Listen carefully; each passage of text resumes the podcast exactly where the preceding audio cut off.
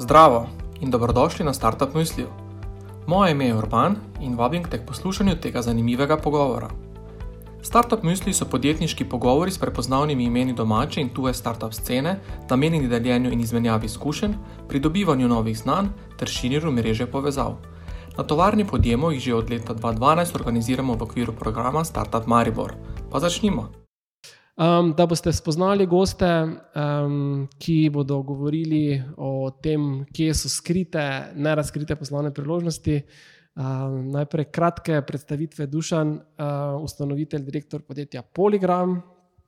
Um, mogoče na kratko, s čim se Poligram um, ukvarja in zakaj nekako um, so ti ti podatki, geografski, satelitski, um, zanimivi, kaj te je pritegnilo v to to, na to področje. Ja, pozdrav uh, vsem. Uh, mogoče bi se še jaz malo vrnil na začetek in sicer uh, tudi Poligram je nekako začelo to svojo pot preko inkubatorja leta 2008. Uh, jaz nisem preveril svoje ideje, ker so mi predtem rekli, da uh, je ideja, katera je že zrela. Ne? To pomeni, da ni več zanimiva za trg in da sem prepozen. Uh, zdaj, vi niste bili tega mnenja takrat, ne? ampak ostali v širšem pa so bili. Zdaj, tudi težava, s katero sem se soočil na začetku, je bila ta, da uh, sem imel službo, imel si neko varnost zagotovljeno, na drugi strani si pa šel nekje, ker ti je večina trdila, da ja, to ne bo. Pa, poznam številne rešitve, ki delajo na to vižo, in tako naprej. In tako naprej uh, seveda, prvo leto uh, je zelo prijetno leto, zaradi tega, ker takrat razvijaš uh, svojo idejo, implementiraš, uh, posebej, če dobiš neka finančna sredstva, kakor smo jih mi dobili takrat, ne vem, kako je to danes. Uh, je bilo prijetno prvo leto. Uh, potem drugo leto, uh, pa se začne tista podjetniška pot v resnici. E, ker moraš produkt, ki si ga nekako pripravil do nekega prototipa ali pa do pol izdelka, začeti plasirati na trg. In takrat začneš v resnici pridobivati tiste prave korake v podjetništvo. In od trenutka, ko smo začeli, pa do danes še vedno delamo isto zgodbo. Ne? To je najbolj zanimivo. Se pravi, na začetku ideja, ki sem jo se ogrel za njo, eh, ni bila zanimiva, bila je zrela, trg je eh, poznal številne rešitve, ampak mi še danes vedno delamo na tej rešitvi, smo drugi največji ponudnik eh, v Sloveniji. Marsikdo v tem času je propadel, je opustil, mi pa dobro, danes delamo na tem produktu. Ne. Zdaj, kaj v resnici počnemo primarno, uh, najbolj prepoznano je zagotovo spremljanje vozil. Uh, se pravi, to je bilo uh, kombinacija uh, GPS signala, kombinacija nekih uh, kart, prostorskih kart in prikaz tega vozila na karti, zelo enostavno. Uh, takrat, ko smo to začeli, ni bilo. Uh, bom rekel, veliko teh izdelkov, tako kot jih je danes. Uh, bolje je bila uh, omejena, recimo, na pet ponudnikov v Sloveniji. Uh, in to je to. Se pravi, danes je več teh uh, ponudnikov, ampak ker se je potreba po to vrstnih rešitvah zelo, zelo povečala. Ne? Dan danes je prostorsko planiranje zelo pomembno, zaradi tega, ker uh, kaj je najbolj drago. Najbolj drago pri celotnih delovnih procesih je čas človeka ne? in premikanje po nekih lokacijah eh, zahteva čas. In če znaš ti to optimirati, pravilno razporediti vire, tovore in tako naprej, eh, je lahko velik prihranek. Se pravi, eh, to je tisto, kar danes počnemo eh, največ. Uh, potem so še pa izdelki, ki se nanašajo na kmetijstvo. Uh, zakaj zdaj kmetijstvo? Na kmetijstvo smo bili bolj ali manj pripeljani za strani strank in sicer zato, ker so opremljali z našo rešitvijo uh, delovne stroje, so spremljali delovne opravila na nivah, poljih in so želeli imeti evidenco. Ne. Mi smo to podprli, na to so se pa začeli tudi razni programi, ki so predpisani za strani eh, Evrope, tako kot je eh, KOPO program in ti moraš skladno z nekim programom opravljati dela in ta dela lahko digitaliziraš in ena izmed takih rešitev je možno dobiti tudi eh, pri nas. Tako da bi lahko rekel, področja, katera mi danes pokrivamo, so transport, logistika, kmetijstvo, to je tisto, na katerem smo močni. In seveda optimizacija kot taka, zaradi tega, ker v zadju razporejanja teh opravil je pomembno, da imaš orodje, ki lahko ta dela optimira. To smo mi, ne? to je poligram, če bi tako, sicer malo na široko, ne tako na kratko, ampak to smo mi. Jaz je super. Mislim tu zaradi tega, ker se mi zdi, da je pomembno, da se s tem, s čimer si začel, v bistvu, da teh, teh komentarjev nevernih Tomažev, ne, skratka, da ste na zrelem trgu, da je veliko konkurence. Ne, da, da se vedno hudič uh, skriva v podrobnostih ne, in da oddaleč. Um, pogled od daleč bi, bi, bi dal človeku misliti, da je že vse rešeno, da že vse obstaja, da ni nobenih priložnosti. Potem vidiš, da praktično v vsaki niši Um, na, na vsaki panogi je možno neko stvar narediti boljše, bolj učinkovito jo izboljšati. In prav to na nek način ste nekako vi naredili um, na nek relativno zrelem trgu, vseeno našli neko dodano vrednost, ki pa veliko pomeni podjetjem. Ne? Tako si rekel, rešujete čas, ki je nekaj, kar je minljivo in nenadomestljivo. Ne? Ja, res je, to si lepo povzel. Uh, mogoče še zdaj, če ste tukaj v tej luči, da bi razmišljali o podjetništvu ne o podjetništvu. Ne? Mi je pač ob tem, ko smo se uvodbil. Jaz bi vam tako svetoval, uh, ali preverjati idejo ali ne, ali je dovolj zrela ali ni dovolj zrela. Ne? Pojdite dovolj visoko, dajte si padalo, ne pa skočite, vse imate dovolj časa, da ga pač odprete. Ne? To je pa tisto leto. Ne? Pač morate si zagotoviti vsaj eno leto preživetja. Ne? če se tega ne zagotovite, potem boste neprestano pod nekim pritiskom, ki ne bo dober za a, neko kreativno razmišljanje. Ne. Pritisk mora biti zato, da a, vas potiska v neko smer, ki ste si jo za, a, zastavili. A, to pa je to. Mm. Hvala, Duha, za, za, ta, za ta uvod. Um, ajde, če se premaknem malo na te, pa bom začel z podobno strukturo vprašanja um, uh, kot za dušana. Tudi vi delate na zelo dolgočasnem, uveljavljenem, strukturiranem, zrelem trgu, pa kljub temu ne, uh, razvijate eno super, zanimivo stvar, ki se je izkazala kot uh, zelo popraševana in inovativna na trgu. Uh, s čim se na Arviju ukvarjate? Ja, mogoče res je nepremičninski trg dolgočasen, vsekakor je pa konzervativen. In, uh, mi zmanjšujemo informacijsko simetrijo na nepremičninskem trgu med prodajalci, kupci in uh, drugimi deležniki. In to delamo s pomočjo podatkov. Zdaj bom tvegala, jaz ne vem, če tukaj poslušajo bodoči podjetniki ali pa tisti, ki še ne vejo, če si upajo. Tako da bom vse en povedala, pa ni reklama, pa urban se z nami ni zmenil to prej. Ampak uh, deset let za dušanom sem tudi jaz začela svojo idejo razmišljati ne, in postila svojo varno zaledje v, bančni, v bančništvu. Um, in v bistvu je bila tovarna podjemov tista, ki mi je dala puš, da sem si sploh upala zlesti dovolj visoko. Tako, da, um, tako kot je Urban na začetku povedal, jaz toplo priporočam, da kdorkoli razmišlja, pa tudi če ne ve, če bi naj gre na kakšen dogodek, tako sem jaz naredila in rezultirali je v financiranju ste mi vi pomagali se pripraviti in še danes smo tukaj. Prisežem, da ni bila reklama in da se nismo zmenili. Res, ampak tako je. In zato še danes sem se pripeljala iz Ljubljane sem, um, ker res spoštujem to, kar, kar tlele počnete v tej regiji. Hvala, Aida. Um, no, zdaj pa, če se vrnem nazaj na vprašanje. Ja, mi delamo na področju nepremičnin. Um, v bistvu, če zelo tako plastično povem, da si boste lahko mogoče predstavljali, kaj je produkt. Včasih je bilo tako, da si rabu nepremičninskega agenta, pa cenilca, no še danes ga potrebuješ, ne? ampak v resnici lahko vse te podatke, če si malo spreten, združiš tudi sam.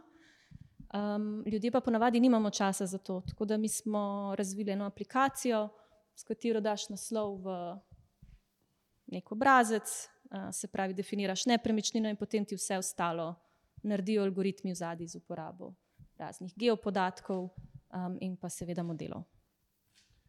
Na kratko. Zdaj, tako skromno si predstavljam, ampak v resnici je tvoja ali pa vaša platforma tista ta glavna, na katero se sklicujejo vsi mediji, članki, finance imajo redne rubrike. Um, skratka, ne, v sodelovanju z Arvijom in platformo je nepremičninski trg se zgodil, padel na rastu v Ljubljani. Skratka, ful dobro, pač postanete neki kredibilni vir, na katerega se sklicujejo.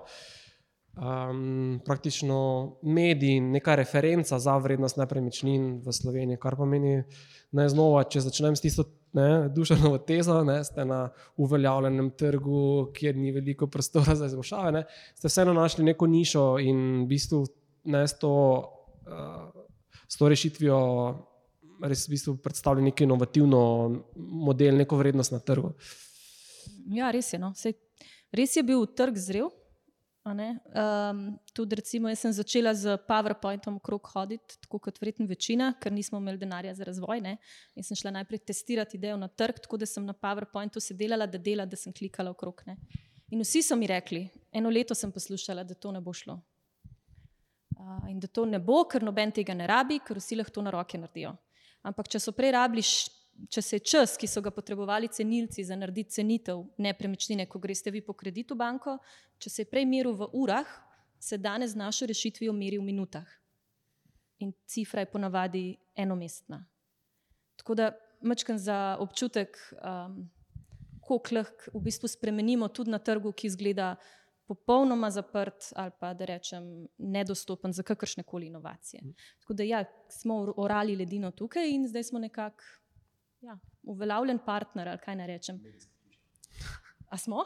Nismo medijska hiša, dajemo pa podatke vsem, ki nas vprašajo za podatke. Tako je. Ja. Property hub.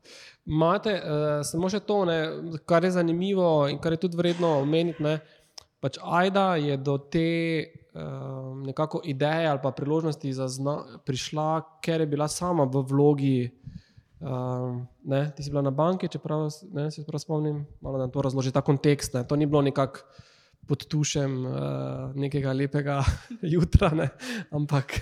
Ja. Sama ideja se je rodila iz moje frustracije. Sem bila vodja ocenjevalcev vrednosti na takrat največji slovenski banki, NLB. Um, in sem pač imela tam deset plus cenilcev, ki so vsak dan iz različnih baz podatkov nabirali pod pač različne vere, ki so jih potrebovali in skupaj zlagali. Zdaj, um, jaz sem ekonomist in uh, strošek dela, kot je že Dušan rekel, ne, je za vsako korporacijo ali pa za vsako podjetje pač zelo velik. To je največji strošek. In takrat sem razmišljala, kako zdaj te ljudi čim bolj utilizirati, čim bolj uporabiti. Uh, nažalost, pač so korporacije mečkam bolj zaprte za inovacije, tako da običajen odgovor, ko sem jaz prišla s tem predlogom, um, je bil, ajda, to se ne da. Tega pa ne maram slišati. Ne? Vse se da, vprašanje je časa in denarja, pa volje, ki jo vložiš v to. Ne? Tako da na neki točki sem se potem odločila, da če se ne da v korporaciji to rešiti ne, in narediti drugače, bom pa jaz probala sama in jim dokazala, da se da. Super. Um, in tvoja um, tehnična kompetenca, ki si tudi imela v, bistvu v hiši, je pomagala pri tem, da se poslovni problem združi z, um, um, bistvu z tehnološko znanostjo. Nastal je, rodil se je Arvija, da uporablja tako družinsko primerjavo. Uh, se še vrnemo, hvala, Aida. Um, Blaž, um, uh, ustanovitelj podjetja Priot. Um, Začeli ste, v, bistvu z, začeli ste v planici, ne bom tako rekel, vašo podjetniško pot.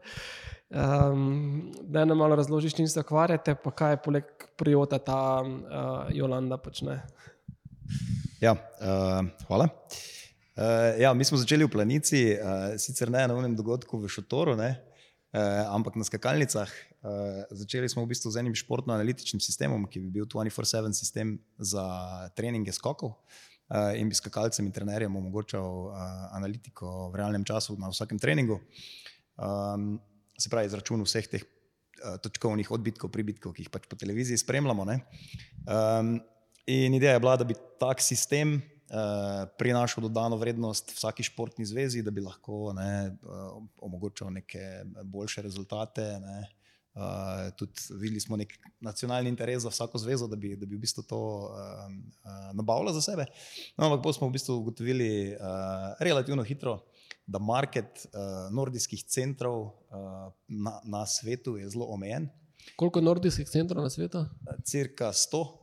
Um, s tem, da še, drug tak, uh, ne, uh, še druga taka realizacija je bila, da v bistvu smo računali, da so vsi tako napredni kot nordijski center planica. Uh, pa smo tudi kmalo ugotovili, da v bistvu je eden izmed bolj naprednih. Uh, tako da ta poslovni model ni, ni nekako uh, se nam validiral. No? Um, uh, in, smo, in smo se odločili, da v bistvu zaključimo zgodbo. Uh, to startup idejo, ki smo imeli na začetku, ampak smo se ogromno naučili, razvili smo tehnologijo in s tisto tehnologijo, se pravi z, nekim, um, uh, z neko platformo za povezovanje IoT naprav uh, v spletne aplikacije.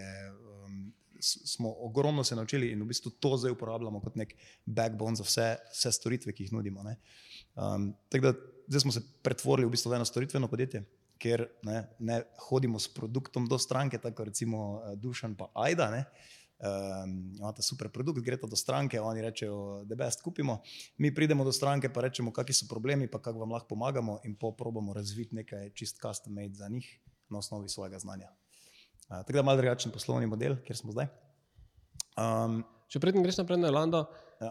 kako težko je bilo ubiti eno idejo, uh, ki si jo tako strastno razvijal in uh, za njo verjel in živel. In, uh... Ja, vse, kar pravijo američani. Uh, take it behind the barn and shoot it. Ne, um, ne težko je, težko je. Itak, ti imaš v bistvu izhajaš iz nekih svojih lastnih prepričanj.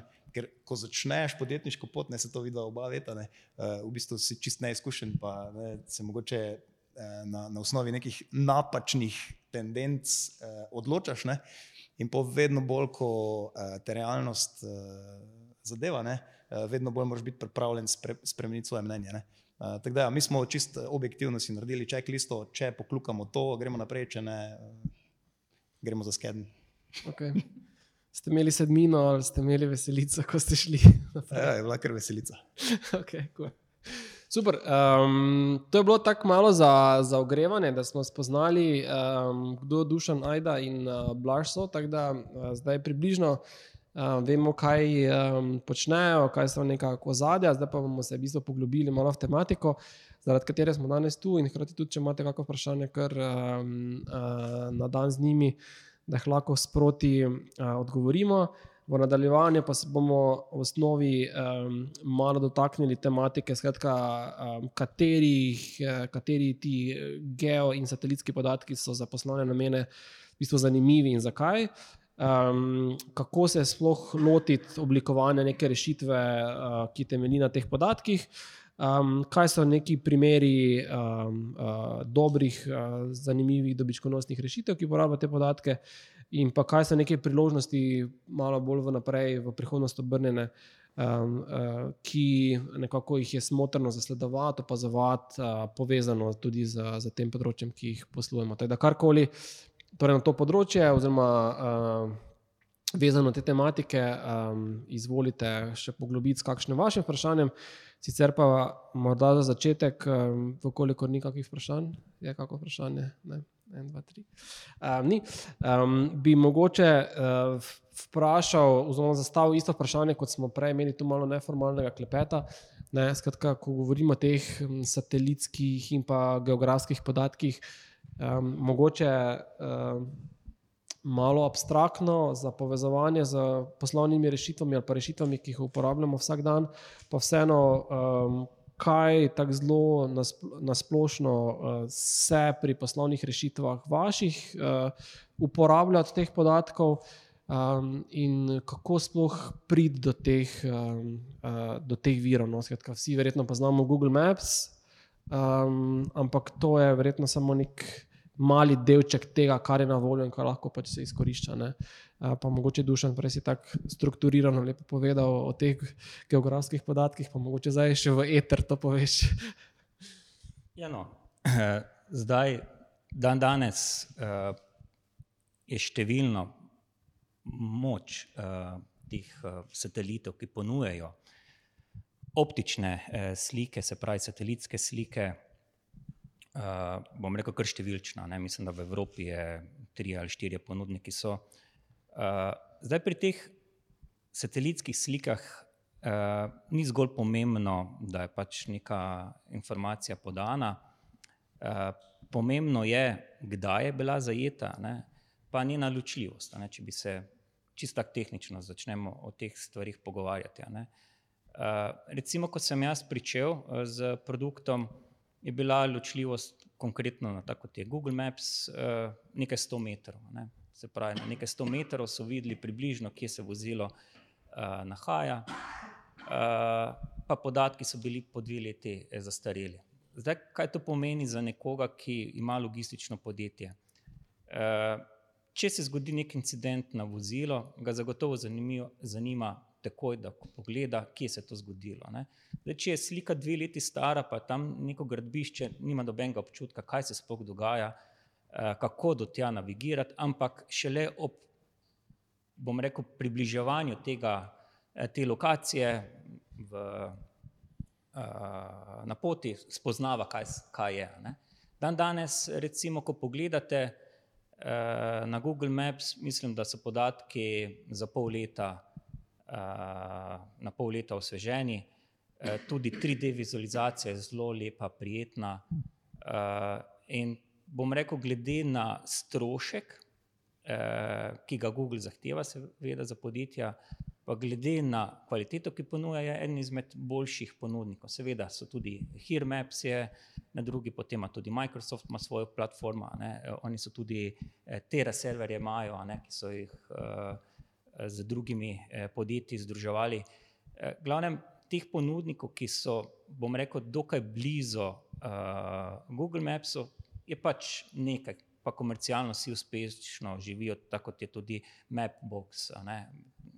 Se pravi, je nekaj tega. Zdaj, kakšne slike pa mi uporabljamo? Mi uporabljamo pri našem delu uh, satelitske slike optik, eh, z, uh, v vidnem spektru, se pravi, optično, uh, kaj lahko vidimo po dnevi. Uh, seveda pa je možno teh slik uh, pridobivati tudi SAR, recimo, so take, ki so pač. V nekem drugem spektru pridobljena, ne, na mikrovalovnih valovih, potem so LIDAR, tudi uh, slike, ampak teh, bom rekel, še v živo nisem uh, videl, se pravi, satelita, ampak te prenosne, kaj pač imajo. Recimo, zakaj je to dan danes zelo popularno, ker samo vozeča vozila uporabljajo isti princip. Uh, na kak način zdaj mi vključujemo te satelitske slike? Satelitske slike mi vključujemo na eni strani, da lahko prikazujemo, na drugi strani pa jih uporabljamo v uh, tem modulu Agra, se pravi za kmetijstvo, da lahko označujejo gerke. Seveda obstaja centralni uh, register gerkov, ki pač je kot neki layer nad temi satelitskimi slikami, ampak vsak kmetovalec lahko znotraj tega gerka označi površine, ki jih ima za pridelavo, in ostale, ki jih ima recimo v nekem mirovanju, ker pač program tako zahteva. Ne? In to si lažje vizualizira, če ima neko satelitsko podlago, pa reče, da tukaj imam 20%, zaradi tega, ker je narava takšna, nekje ima 30%, vse v naravi si znaš predstavljati, ampak deleže pa ne znaš preračunati. In ravno za pomočjo teh satelitskih eh, slik lahko označi področja, ki jih pusti v mirovanju, zato da lahko uh, živali tam pač se razvijajo, da je vegetacija dovolj bogata, se pravi tale. Uh, in to je to, recimo, kaj mi v danes v aplikativne namene ponujamo. Seveda so pa potem na področju agre tudi izdelki, kot je Landvirt, uh, kjer pa lahko spremljaš uh, prirastek, potem lahko spremljaš tudi uh, v kakšni kondiciji je ta vegetacija, ne? ali primankuje, eh, bom rekel, vlage, ali so eh, obolela. Glavno, to je možno ravno z pomočjo teh satelitskih slik, glede na spekter, ki ga opazuješ, in glede na odgovor na posamezen spekter, oceniti, kaj se dogaja. Ne? Recimo, če so tla uh, suha, potem to pomeni že samo po sebi, da ko čez dan je sončno, ne, se to bolj ogreje, ne, kot pa deli, kjer niso. Ne. Se pravi, boste v infrardičnem spektru malo močnejši odziv zaznali. Ne. In na tak način lahko v teh različnih spektrih spremljate, kaj se uh, dogaja. Ne. In uh, tako kot sem na začetku povedal, pomembna je ta frekvenca. Uh, kako pogosto vi dobite podatek iz satelita za neko področje. Recimo uh, za uh, SARS slike, to, kar pač uh, je možno pridobivati, uh, mislim, da so na šest dni uh, za celotno Evropo. Ne? Se pravi, na šest dni lahko vi pričakujete, da boste dobili nov podatek. Ne? To je kar redko. Ne? Se pravi, če želiš malo bolj več dinamike eh, vpeljati, ne? Eh, bi želel to vsaj na neki eh, dvodnevnem intervalu ali pa še fre, frekventneje. Uh -huh. Pa mogoče še ta, ta, ta primerjava, začel si torej na dve leti, za Google Maps dve leti, pa 100 metrska natančnost, kaj pa danes, mogoče s vsem, kar poznaš, um, ok, te SARS si umenil, skratka, tedenski interval, um, uh, kaj pa recimo satelitske slike, da si znamo sploh predstavljati na. Obstajajo tudi dnevni ne, intervali, ne, samo seveda to komercialno se ne izide. Ne, to se lahko kakšna vlada privošči, posebej recimo tako, kot so bile. Eh, pri nas uh, te poplave. Ne. To so lahko imeli, bomo rekli, na urnem intervalu, zaradi tega, ker ti lahko tale fokus zelo usmeriš na neko področje, ostala uh, zanemariš in se potem samo ta, to področje uh, skenira. To si lahko zelo enostavno predstavljate, tako kot so včasih televizije delale, ne, ko je pač signal potoval od leve proti desni, ne, pa tisti, ki ste še imeli to televizijo si mogel od zadaj malo skalibrirati, ne, da si polobil signal. Ja, na tak način sateliti delujejo še danes, ne se ne more drugače mm. delovati. Ne. Če neko večje področje želi eh, posnet, mora oddati signal, potem ga mora spremljati antena, sprejeti signal, ga mora obdelati. Težava je, da se Zemlja vrti, satelit se še po svoje vrti in vse to pač nekaj eh, povzroča. Ne. Eh, in če na vsaki stvari gledaš, da to milisekunda ali pa mikrosekunda potrebna, pa ko se šteješ na ločljivost, naenkrat priješ v neke minute. Ne. Iz teh minut nastanejo ure in potem so že dnevi. Mm, mm. Hvala za ta, um, za ta super um, pregled. Um, pa bom zdaj uh, preskočil, ajde pa bom šel k Blažu. Sicer vi ste tudi lani, ko ste bili na hekatonu, namreč Blaž je tudi za Jolando, zmagovalec lanskega tega kasini hekatona, katerega sem um, prej omenil ste raziskovali, ali pa ste se verjetno, ne vem, če ste se prvič seznanjali z vsem, kar je v bistvu teh podatkov na voljo. Um, mogoče nam malo ta neka tvoja uh, razsvetljenja uh, lanska podeli. Namreč Evropski vesoljski program je neskončno bogat za temi podatki, veliko večino je za raziskovalne namene, pa za končnega uporabnika brezplačno. Uh, na voljo, do česa ste vi prišli, v bistvu, ko ste to Jolando uh, snovali lani na Kasinju?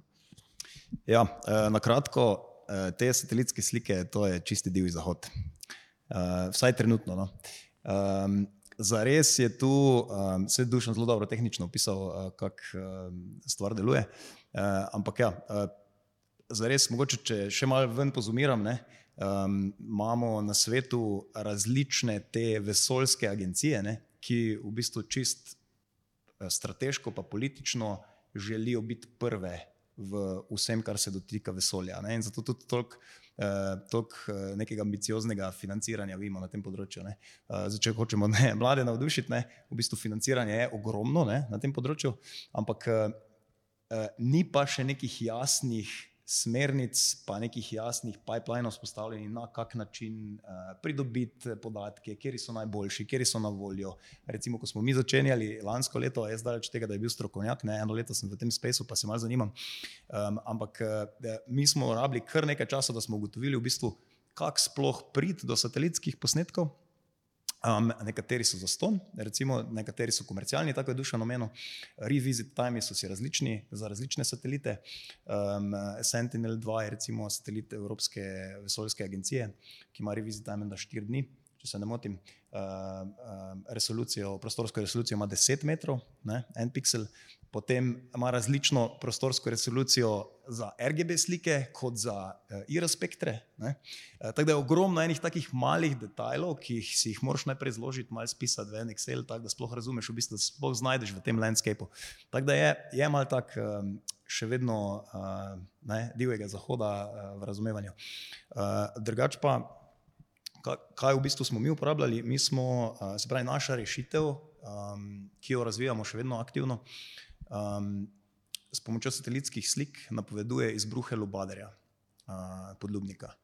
Uh, in mi uporabljamo striktno samo uh, optične satelite, torej Sentinel-2, ki ima tudi te uh, multispektralno vsebino, tako je že dušno omenil. Um, ravno ta multispektralna vsebina je zanimiva, če se hočeš iti um, uh, neko napovedovanje. Zakaj? Zato, ker uh, zaznava v bistvu to, kar ti ne vidiš za prostim očesom. Ne? Torej, nas zanima, uh, ne, ko je že lobadar recimo, se zgodil, ne? ker lobadar zelo hitro se širi. Ne vem, kako poznate topik, ne? ampak se zelo hitro razširi iz enega drevesa na drugega. Um, in če želimo biti pred njim, ne? moramo v bistvu videti, kaj se uh, z nekim območjem gozda uh, zgodi, predno mi to s prostim očesom vidimo. Torej, predno se iglice obarvajo, razfarbajo na, na, na rdeče, ne? želimo mi to ugotoviti. In to nam multispektralna vsebina lahko uh, ponudi. Uh, tako da, ja, mi v bistvu uh, uporabljamo optične uh, satelite uh, s pomočjo strojnega učenja, uh, da naučimo predikcijo hotspotov. Mhm.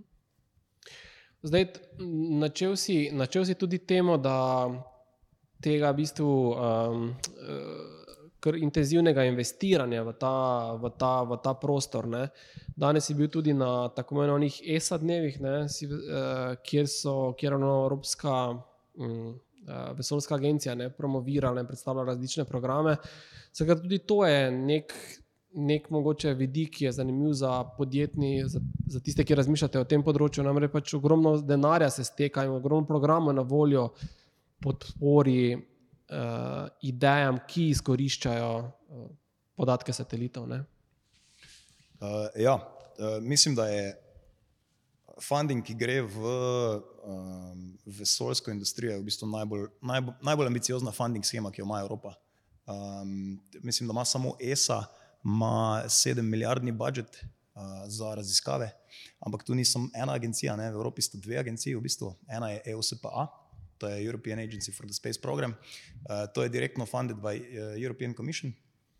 Oni v bistvu se ukvarjajo bolj z nekim market research, komercializacijo, tudi uh, Horizon razpise imajo čez. Um, Medtem ko ESA, ne, oni so pa tisti znanstveniki, ki dejansko pošiljajo rakete v luft, pa pristajajo na kometih, pa delajo te uh, fantastične stvari. Cool. Um, hvala, bomo se še temu, um, temu vrnili.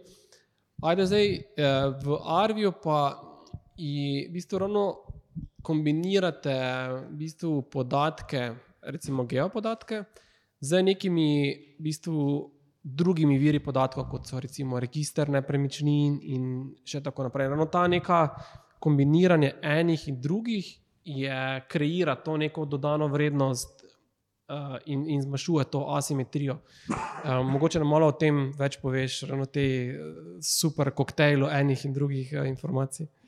To si mi dal super uvod. Ja, mi geopodatke razumemo mogoče malo drugače, ali pa jaz rečem malo širše, čeprav v resnici pa bolj površno, ne, kot jih vi.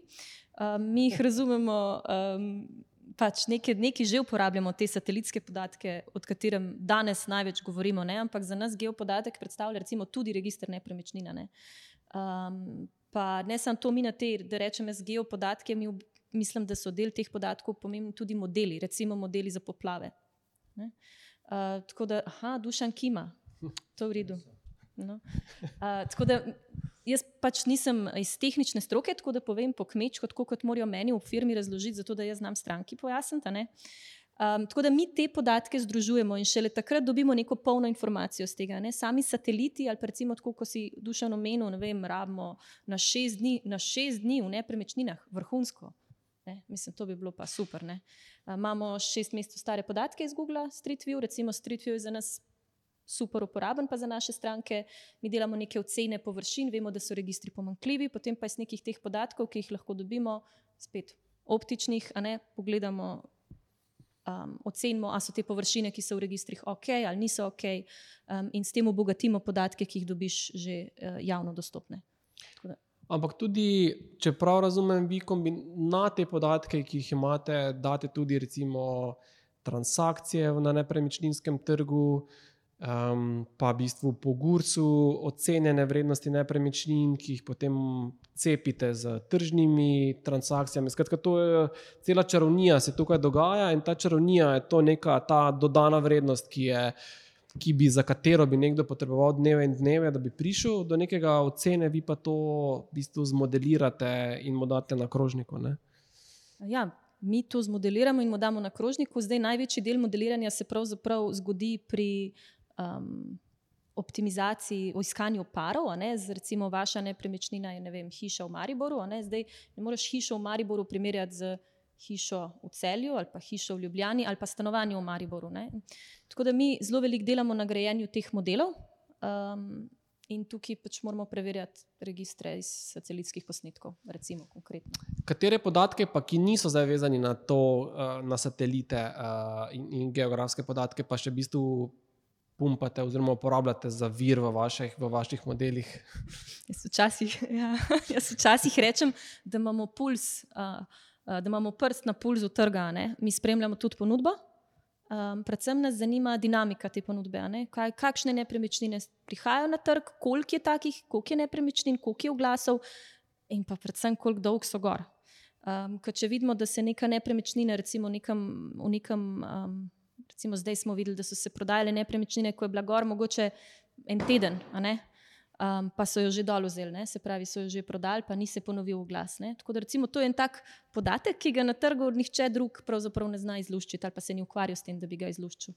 Um, tako da s tem obogatimo. Pa, um, kaj še? Noč, dali smo sorry, satelitske posnetke poplav gor, tako da zdaj probamo oceniti za vsako nepremičnino, da ko ti pogledaš nepremičnino, da še vidiš, ali je zdaj to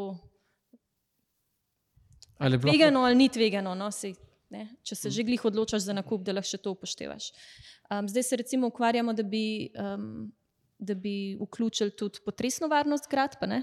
Neke podatke, seveda, v Sloveniji že imamo in jih lahko vsakdo pridobi. Um, pa recimo kriminaliteto, se pravi stopnjo kriminala, stopnjo hrupa, ne, to vse vpliva na ugodje življenja. Tako da recimo take podatke še združujemo. Da bi postavili, da neki taki. Um taki inteligentni, um, uh, uh, kako se to reče, detektiv um, in poznavalec nekega v bistvu, področja ali pa nekega ur urbanega področja. Ne? Praktično ti na enem mestu dobiš ne samo, ok, všeč mi je ta cirk ali pa ta firtl ampak tudi o tem, koliko je varno, koliko je tu se kriminala zgodilo, koliko je bilo tu poplav, potresno pomoče. Skratka, vse živo lahko v bistvu vi in meni date kot potencijalnemu kupcu zelo celovito informacijo. Ne? Ja, zdaj ene stvari imamo že ukorporirane, ene stvari zdaj s partnerji ravno pripravljamo en tak projekt, da bomo še določene stvari, recimo kriminal, hrup, vključili noter. Um, so pa to še enkrat za tiste, ki kupujete nepremičnino, to je moje poslanstvo moram povedati. To je najpomembnejša finančna odločitev v življenju poprečnega posameznika. Ti podatki so javno dostopni, da jih preverjate, ne verjete sosedu. Ne? Uh mhm. -huh. Mislim, lahko ve, ampak podatki obstajajo. Zdaj smo govorili na eni debati, ravno ne, predhodnica, prejšnji, prejšnji torek je govorila, ki dela v enem eh, proizvajalcu hiš in rekla v bistvu, da nakup nepremičnine, poprečen ga naredimo ena cela nekajkrat v življenju, torej enkrat praktično. Ne.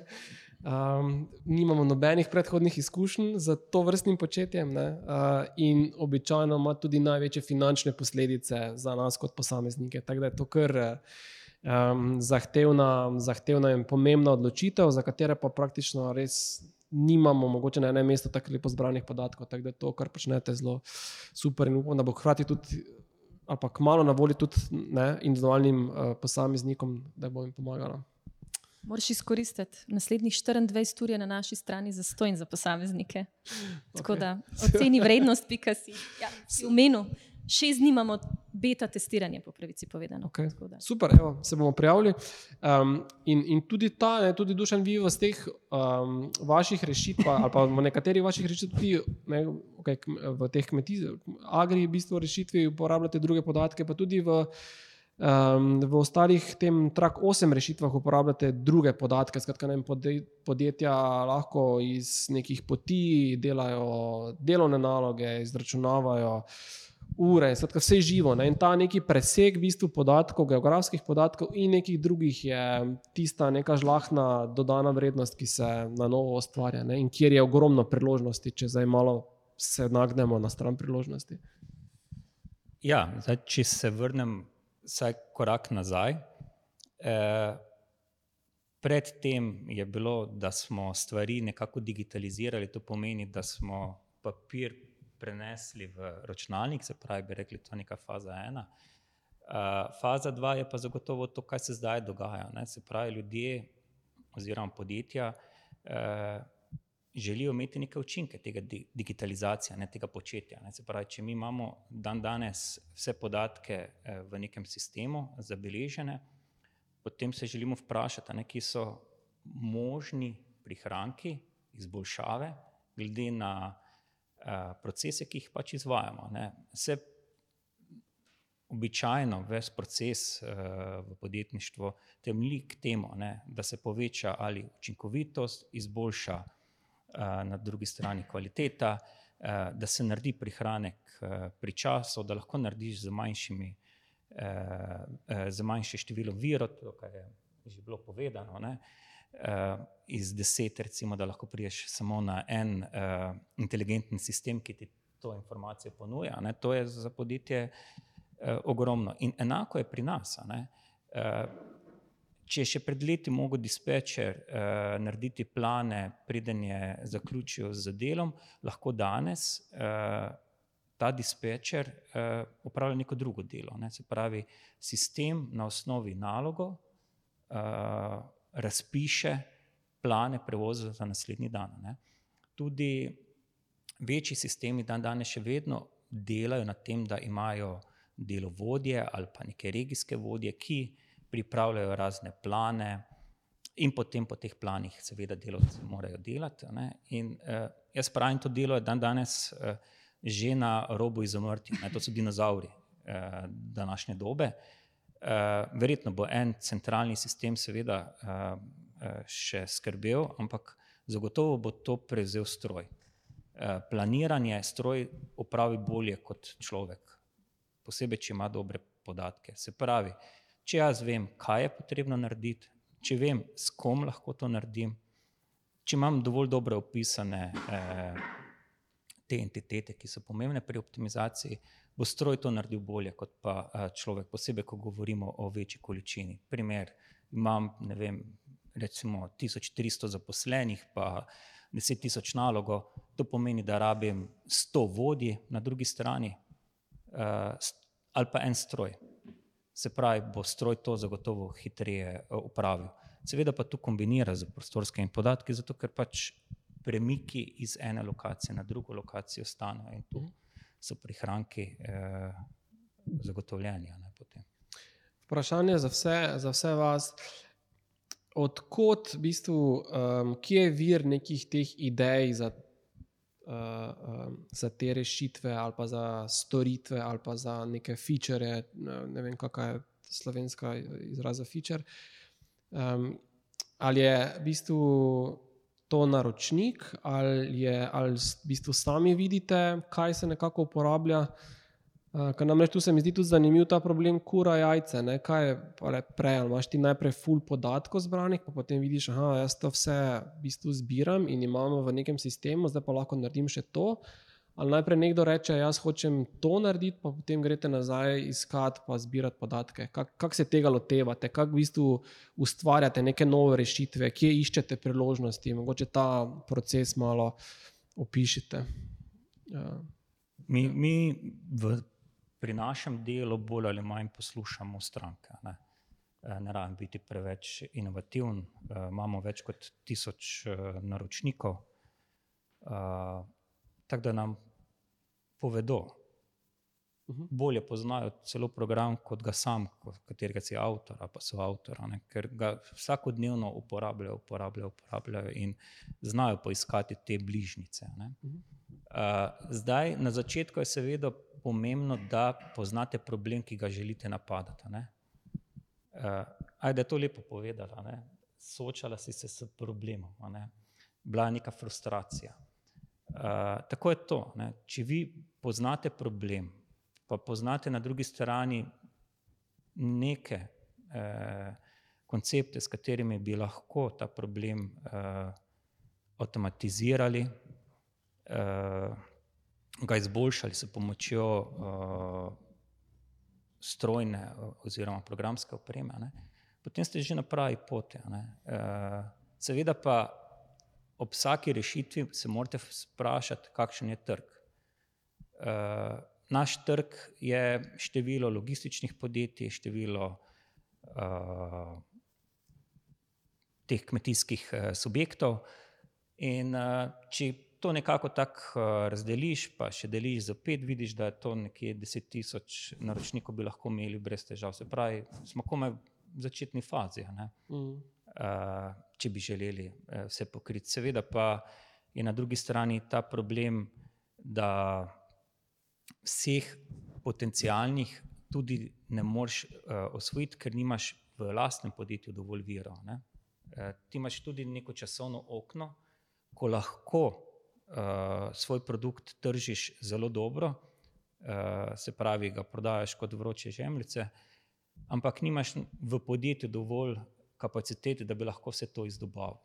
Mm. Uh, tudi to je lahko problem, uh, da je zelo časovno omejeno, takrat zanimivo, potem pa pač več ni takšnega uh, interesa. Uh, to je predvsem recimo, na kmetijstvu takšen. Zaradi tega, ker so ti programi na štiri leta razpisani, to pomeni, da lahko svojo priložnost na štiri leta loviš. Mm. To je zelo težko za neko zagonsko podjetje, da bi na tak način preživelo, mora nekaj iskati, kar lahko uh, mesečno zagotavlja neko uh, donosnost. Ne? Hvala. Uh, Ajda? Kje dobim ideje? Ja, mislim, to je tako, kje, kje, kje dobiš ideje. Ja, um, mislim, tako kot je Dušan rekel, poslušamo stranke. Čeprav uh, tle se bom večkrat postavila v drugačno pozicijo, pa bom rekla, se bom spomnila na Forda. Mislim, da je Ford rekel, če bi vprašal svoje stranke, kakšno prevozno sredstvo rabil, uh, rabijo, ne bi mi v bistvu ne bi rekli, da rabijo avto, ampak da rabijo voz z več konji. Tako da tako nekako se tudi jaz obnašam. Tako da ja, slišim stranko, ko mi hoče predlagati nekaj v aplikaciji, ampak potem ratam sitna, pa začnem spraševati, um, zakaj. Kaj je, zakaj je to problem? Kaj je tisto, kar je v zadnji, ki zdaj on meni reče, da bi tam imel še en gumbek, ko bo še en zemljevid odprl? Zakaj?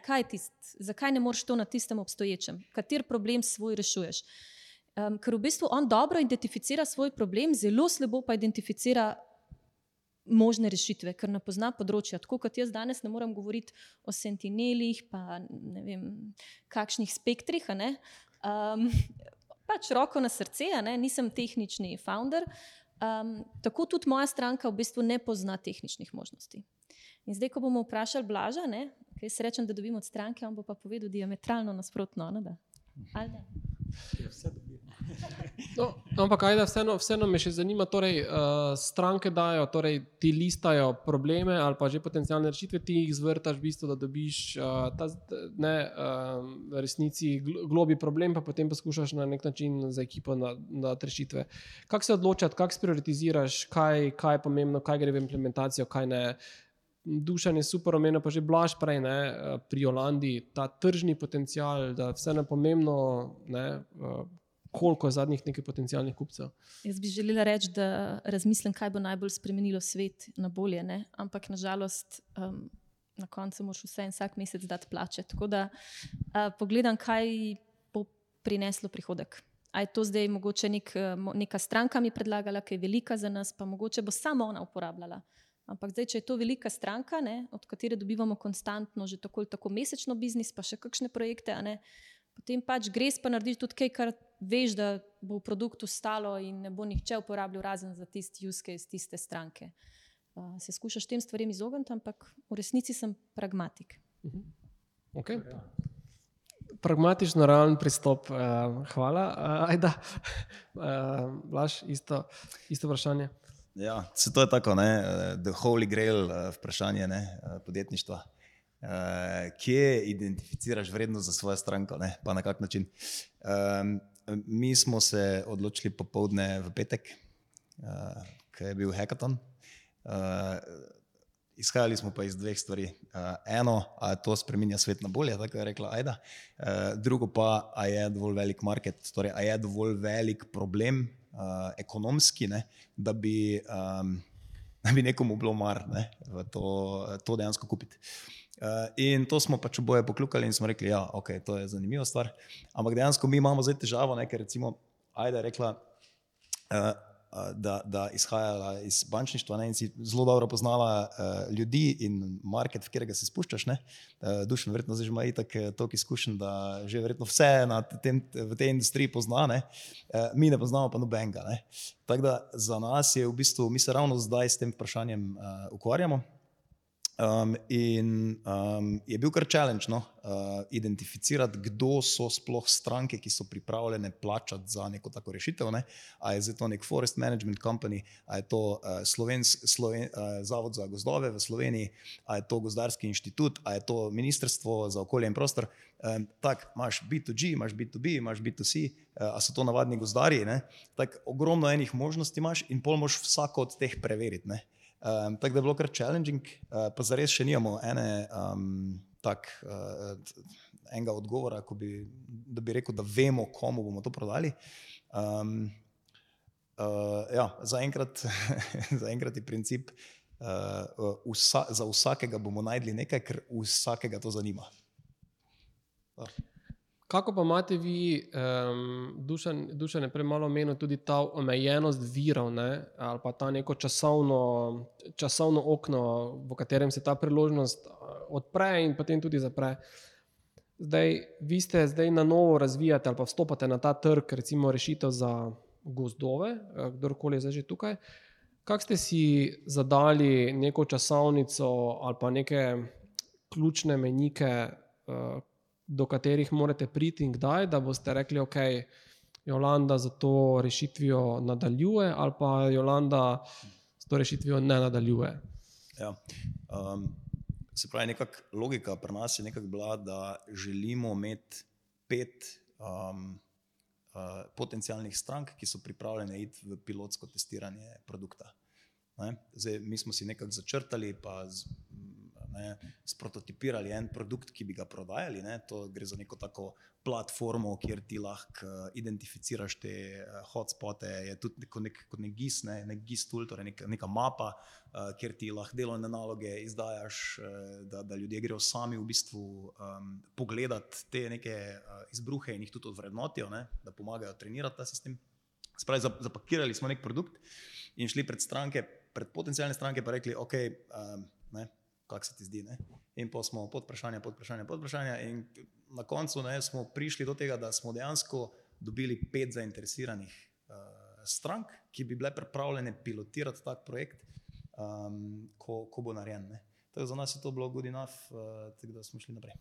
Pa, ko ste rekel pilotu, govorimo tukaj o plačljivem pilotu, ali so to v bistvu neki brezplačni piloti, ker konec koncev tudi ta ekipa, ki razvija te rešitve, um, pač mora nečesa živeti. Ne? Imate v bistvu neko, odkot financirate ta, to, to uh, tipanje ali pa to testno obdobje zdaj.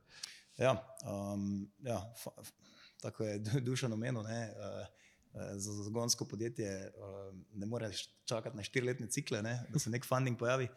Um, ja, uh, mi smo v bistvu sodelovali v, v, na Kazini Hackathonu. Tam ni, neka, ni bil neki cash price, ampak smo se v, znotraj tega ekosistema prijavili um, na neko nagrado um, in smo bili sprejeti in smo dobili recimo 10.000 evrov. Ne? To je tako, da, da lahko začneš vsaj malo migati. Uh, in zdaj, odvisno od tega, koliko si agilen, uh, pa koliko si spreten, pa koliko dobre ljudi poznaš, um, lahko že s tem že marsikaj narediš. Um, z, mi, seveda, daleč od tega, da bi hoteli razviti uh, že v tej fazi nek MVP, ne, ampak radi bi pa imeli vsaj proof of concept tehnologije. Torej, da vemo, da to naše strojno učenje deluje dovolj dobro, z dovolj visoko natančnostjo. Um, in ja, to je vedno tako. Uh, eno je denar, uh, drugo je, koliko uh, lahko navdušiš ljudi, da bodo v, v tej ekipi pa investirali svoj čas, ne? se pravi, je pa čist time investment vsakega posameznika. Um, uh, in to moraš vedno malo balancirati no, na teh stvareh. Jaz nimam odgovora, uh, koliko rabiš, da nekaj razviješ. Ne? Um, no, ampak zdaj pa recimo smo prijavili, uh, ima pa ESA, um, se pravi Slovenski Space Office, uh, ki ga tudi imamo, by the way. Um, Slovenska vesoljska pisarna je pa s, s pomočjo ESE uh, v avgustu dala ven razpis, uh, RPA se imenuje, um, in smo se prijavili za nek feasibility study. In smo na 20 straneh opisali, kaj želimo narediti, kakšno tehnologijo bomo uporabljali. Um, in zdaj v bistvu držimo pesti, pa čakamo rezultate, uh, če bomo fundili. In to bo zagotovilo nekaj v bistvu, tega financiranja, ki vam bo Enoletni projekt. enoletni projekt, da boste ravno do tega MVP-ja prišli, validirali. Ja. Cool, cool, super. Držimo pesti. Um, evo, um, v, zadnjo, v zadnji del gremo pogovora, kako vprašanje na tem, na tem mestu. Ne? Okay. Um, mogoče gremo zdaj čisto tako. Um, zdaj pred nami je um, Kasini Hekaton, kjer bodo udeleženci nekako soočeni z tremi izzivi. Um, en okrog uh, v bistvu neke trajnostne infrastrukture, um, drugi okrog v bistvu kmetijstva, dobavnih verig hrane in tako naprej, in tretji okrog v bistvu prisilnih migracij. Zdaj, kako bi Dušan ti kot mentor, um, Ajda kot startupovka, udeleženka tudi lanskega kasinja, Blaž v podobni vlogi kot Ajda, kako bi vi svetovali, da se lotiti um, tega tridnevnega projekta? Kaj bi bili neki taki zelo praktični, konkretni nasveti, ki bi udeležencem povečal možnost uspeha, da prvič sestavi v teh treh dneh neko zanimivo rešitev, in hkrati, da bo ta zanimiva rešitev dovolj prepričljiva, um, da bo na koncu prepričala um, uh, duša na njegove uh, člane, so člane komisije, da je, da, da je najboljša. Pa bom začel v sredini, evo pri Dami, pa potem gremo Hvala. uh, Zdaj levo, sem, desno. sem si prav želela tole. Um, ne, Blaž je prej rekel, da oni so prišli lani v petek popovdne tja in so se odločili, kaj bodo delali. Ne. In se počutim prav, um, kaj naj rečem. Mi se nismo v petek popovdne odločili, kaj bomo delali, ampak smo z ekipo, ki pač uh, moram priznati, da ima um, rečem, družinske obveznosti. Tako da uh, sobota pa nedelja jim ni ustrezala. Smo se z ekipo že prej pogovorili in smo v bistvu zelo intenzivno, čeprav še dostopa do satelitov nismo imeli lani, uh, pred petkom, ne, smo zelo intenzivno delali na ideji. In smo v bistvu user interface, um, ki smo ga pokazali na Casiniju, a ne, uh, razvili že prej. In smo potem sam še podatke not prepeljali. Delali smo pa na, na področju, ki ga poznamo, torej na področju nepremičnin. Smo rekli, mi bomo z satelitskimi posnetki um, identificirali področja v mestu, kamor se ni zaseliti, zato ker je prevroče, v primerjavi, relativno v primerjavi z drugimi deli mesta. Ali pa zato, ker tam poplavlja. To smo že lani imeli, letos bi zihr bili bolj aktualni kot lani. smo očitno mal imeli, um, kaj ne rečem, kristalne krogle. Um, tako da smo razvili nek um, tak mal bolj celostni uh, pokazatelj ali pa kazalnik, kolikšno, jaz bi rekla, mi smo izhajali iz obdobja bivanja za, za posameznika, no? ne iz tvega, ampak iz obdobja bivanja uh, za posameznika. In v bistvu smo te stvari prej pre- pripravili. Kot rečeno, smo se pa navezovali na področje, ki ga mi poznamo. Tako kot je rekel Blaž, um, ena stvar je, da dobiš prihodke iz trga od svojih strank, ampak za take zanimive stvari, za projekte, ki v bistvu ta trenutek nimaš niti proof of concept, pa ne dobiš denarja na trgu. In za take stvari se tudi mi prijavljamo na razvojne razpise. Um, in ta kasini hekaton jaz vidim kot eno tako stvarane. Uh, in smo jo lani tudi tako izkoristili in tudi vklopili delno v, v eno prijavo, ki smo jo potem delali, pa uspešno tudi dobili, naprimer, uh, za energetsko učinkovitost. Pač en košček smo uporabili. Tako da jaz bi rekla, pogledajte področje, ki ga delate, ki ga poznate in skušajte ta kasini izkoristiti za to, da nekaj nadgradite svojega. Ne? To bi bil moj nasvet. Super, konkretno hvala, Blaž. Uh, ali lahko ponoviš vprašanje? Uh, Kako se, kako se, kako se lotiti um, tega hekatona, um, čisto praktično, da bo prvič nastala v teh treh dneh neka pač rešitev, um, konkretna, ki bo imela rep pa glavo, pa drugič taka rešitev, ki bo prepričljiva za komisijo, skratka, ki bo tudi izstopala na nek način.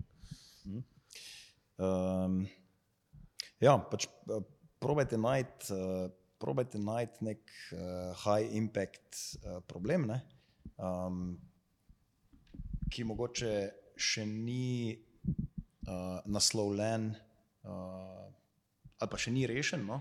Uh, v dovolj dobri meri. Um, predvsem pa bi rekel, da kakršen koli problem že najdete, ne, vedno imejte v mislih, komu ga boste prodali. Ne. Se pravi, vedno imate unga end user ali pa end clienta uh, v glavi, pa takoj, ko nekdo dobi idejo, ga vprašate, ok, kdo je za naša stranka, kdo bo to uporabljal. Tako da greš v bistvu takoj v, v ne, čevlje stranke, um, da, da ne zaplaš v bistvu preveč v neke svoje, ne, um, uh, te, uh, kaj bi pa ti, ne, uh, torej, kaj pa ti misliš, da je prav. Ne. Se pravi, kdo je naša stranka, da je malo porisrčati, pa ugotoviti, kak velik problem rešujemo. Da, da to še mi povej, kako ste vi, hudiča, prišli do teh lubadarjev, pa do teh gozdov? Uh, kak, je, kak je bil tu neki proces? Uh, se še spomniš? To, samo, to je bil rapid fire, to smo špukali ideje na tablo. Uh, mislim, se veš, ta, v petek priješ tja, zvečer, ne, pol v soboto, nedeljo pa, v nedeljo pa že pičaš. Ne. Uh, to, to je bil rapid fire. Smo rekli, pet, do, do petek, do polnoči moramo imeti uh, idejo izbrano, da lahko pol v soboto v bistvu uh, researchamo, delamo pitch itd. Uh -huh. uh, tako da v bistvu smo sam researchali, mislim, da smo se dali po dva, po dva v ekipe, pa smo researchali neke um, ja, take high impact uh, stvari. No. Uh -huh.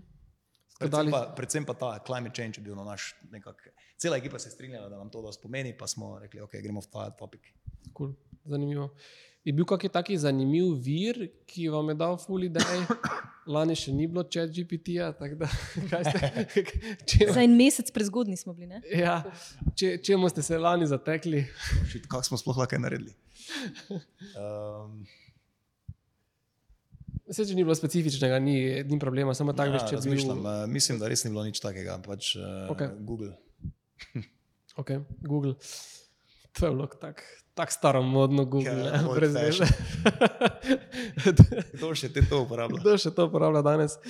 Uh, Dušan, um, isto vprašanje za tebe, kako tvoj na svet, um, kako, se, kako se loti tega uh, vikenda. Ti si bil tudi lani mentor, si v bistvu krožil čez, um, čez ekipe v soboto, ne, isto bo letos. Um, um, kaj, torej, da, se, da se naredi nekaj dobrega, pa da bo to res nekako pilo vodo. No? Kako kak bi se ti lotil, eh, kakšni neki konkretni nasveti za ekipe?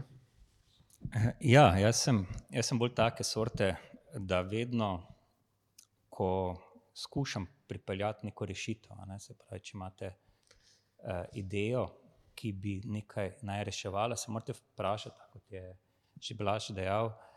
Uh, komu je namenjena? Se, pa, se pravi, komu boste to rešitev ponudili? Ne? Zdaj, ali imate to uh, business to customer, business to business, to morate že na začetku znati ločevati, ker so popolnoma drugačne zahteve. Uh, masovni trgi, mislim, da so kar precej težji od uh, business to business, ker so tudi uporabniki, eh, bom rekel, toliko nevešči. In ko boste razvijali idejo, razvijate vedno v tej luči, to že obstaja. Moj cilj je ne da naredim ponovitev, ampak tisto, kar obstaja, mogoče za procent, dva, tri, štiri, ne pa več kot deset procentov izboljšati. Ker če boste preveč izboljšali, potem vas ne bodo razumeli, kaj počnete. Uh, Tako da ostanite v tistih varnih 4%, pa bodite Toyota med uh, vozili, uh, čeprav je cel kup nekih znamk, pa boste uspešni. Uh, to je moj uh, nek nasvet, ne, ne zaid, uh, ker uh, ideje te lahko tudi pokopljajo. To je super na svetu, oba sta se tudi nasmehnila. Bi še kaj tukaj dodala, um, kak komentar na to?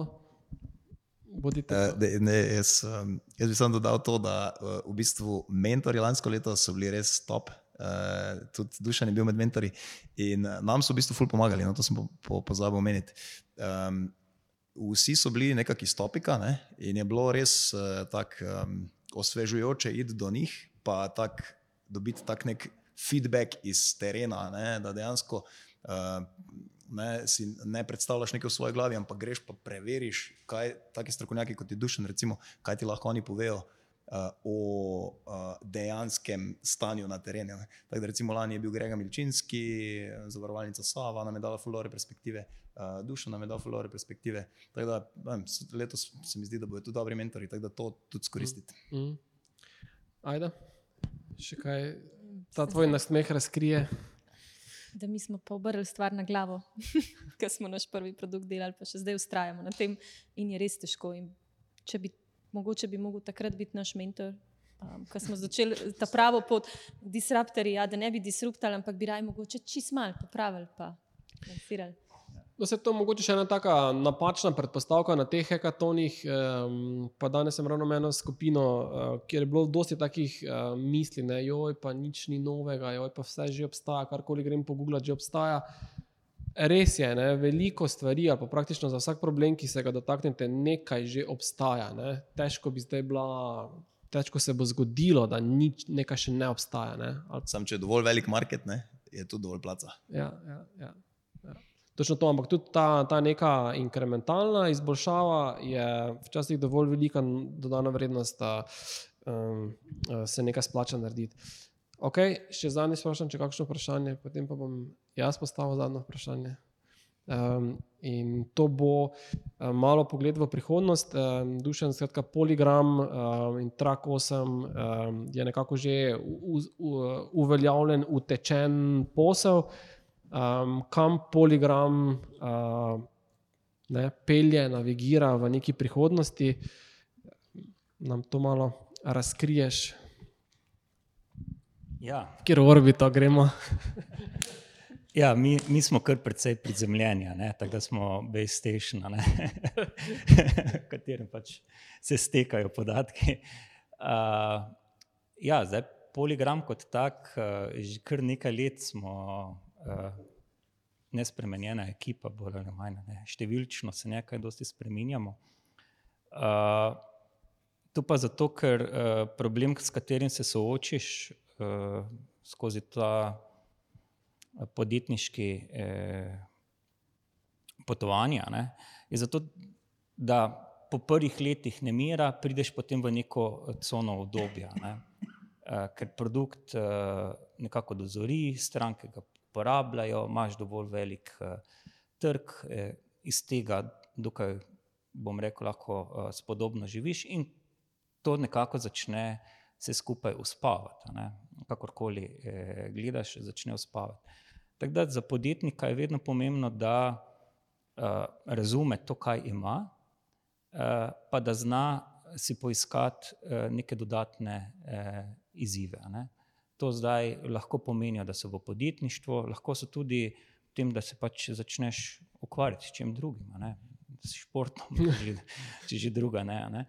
Uh, glavnem v podjetništvo uh, boste zagotovo prišli tudi v to fazo, da iz začetka, ko ste v frustraciji, ko delate, uh, ko razvijate, pridete v neko, uh, bom rekel, cono, kjer poznate konkurenco, uh, kjer poznate, uh, kakšne so cene, znate se pravilno obnašati. Ampak to več ne zagotavlja neke rapidne rasti. Ne? Vi pridete, na, ne vem, tako kot mi imamo slabo 2 milijona prometa in tu nekako obstaneš. To je potem letno, recimo, spet 5 do 10 odstotkov rast, ampak to je to. Uh, Medtem ko pa start-upi na začetku imajo po nekaj 100-odstotno rast, ne? posebej, če je ideja uh, zanimiva. Uh, zato je za podjetnika tako jaz gledam iz moje eh, perspektive, pomembno, da se znaš tudi kdaj eh, kakšen korak nazaj narediti, pogledati po drugih priložnostih in ponovno zagnati eh, kakšno zgodbo. Eh, tako da poligram bo ostal, njegova identiteta, identiteta se ne bo spremenjala, ne mislimo mu nalagati nekih dodatnih produktov, eh, ne mislimo eh, delati nekih presežkov. Zato mislim, da so start-upi primerni. Uh, in to imate vi pač zdaj možnost, ne? posebej ko si mlad, imaš čas, ko si starejši, je pa ravno obratno, imaš malo več denarja, pa zelo malo časa. -huh. To se bistveno spremeni in to morate imeti pred seboj, da svoj čas lahko danes izkoristite in se ne spraševati, joj, kak, mogoče bom pa čez leto dni ali pa čez dve leti. Vse, kaj odlašate, vidite, da delate si, de, tako bom rekel, za sebe, za kot človeka, medvedjo slugo. Uh, morate biti toliko uh, drzni, uh, da stopite malo iz cona obdobja, uh, pa da zaživite. S čim pa potencialno boš potešil, kako vseeno um, srbečico po nekih novih idejah, pa ambicioznih uh, projektih, uh, imaš kaj na vidiku ali to zaenkrat še prepuščaš uh, prihodnosti?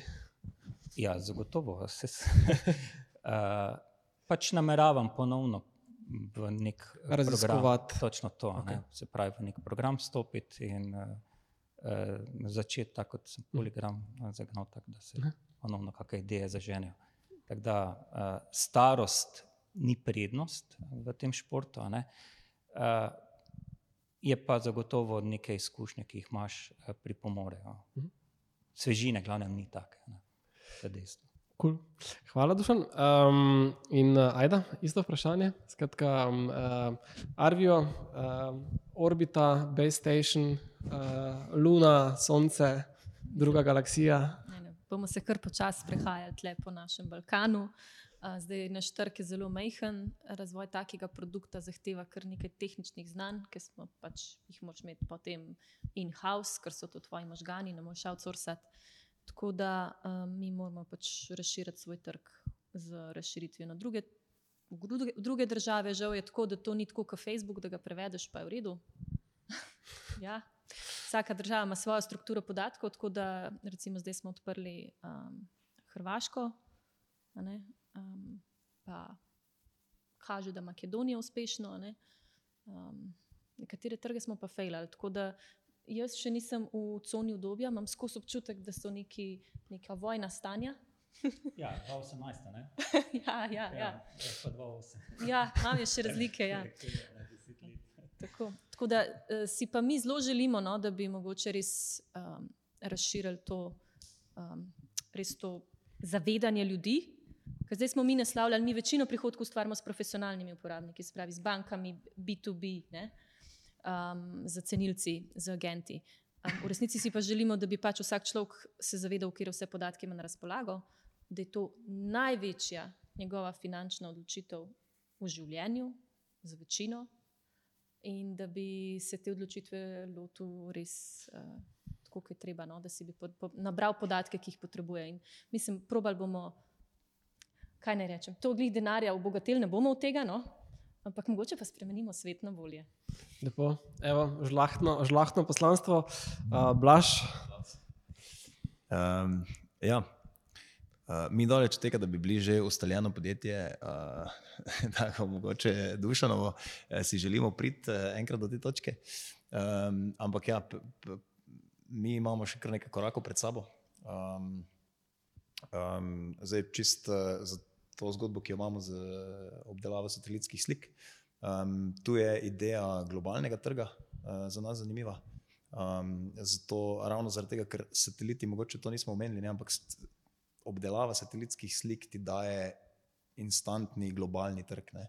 ker sateliti pač krožijo okoli Zemlje. In um, tukaj so lahko stranke uh, vse posod po svetu.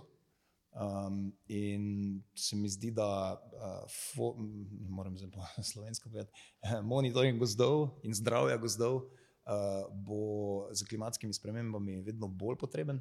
Um, in v bistvu smo zelo tak na trnih, no, da, da um, še naprej delamo na tej ideji.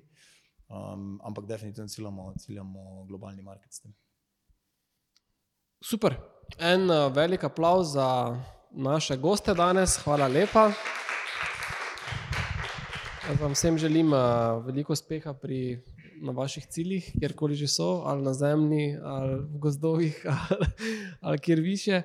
Um, vam pa seveda um, temeljito preučite neke priložnosti, pa te miselne iskrice, ki ste jih danes dobili, pa um, izkoristite priložnosti, ki se vam uh, v bistvu ponujajo. Skratka, startup vikend že en čez dobro dva tedna, pa potem kasini. Uh, teden kasneje, tako da zdaj bo priložnosti več kot dovolj, um, dajte jih izkoristiti. Ne? Kot smo slišali, duša je rekel, ne, delate si medvedje uslugo, če odlašate. Da, hvala lepa, želim vam še lep večer in uh, se vidimo prihodnji teden. Hvala lepa.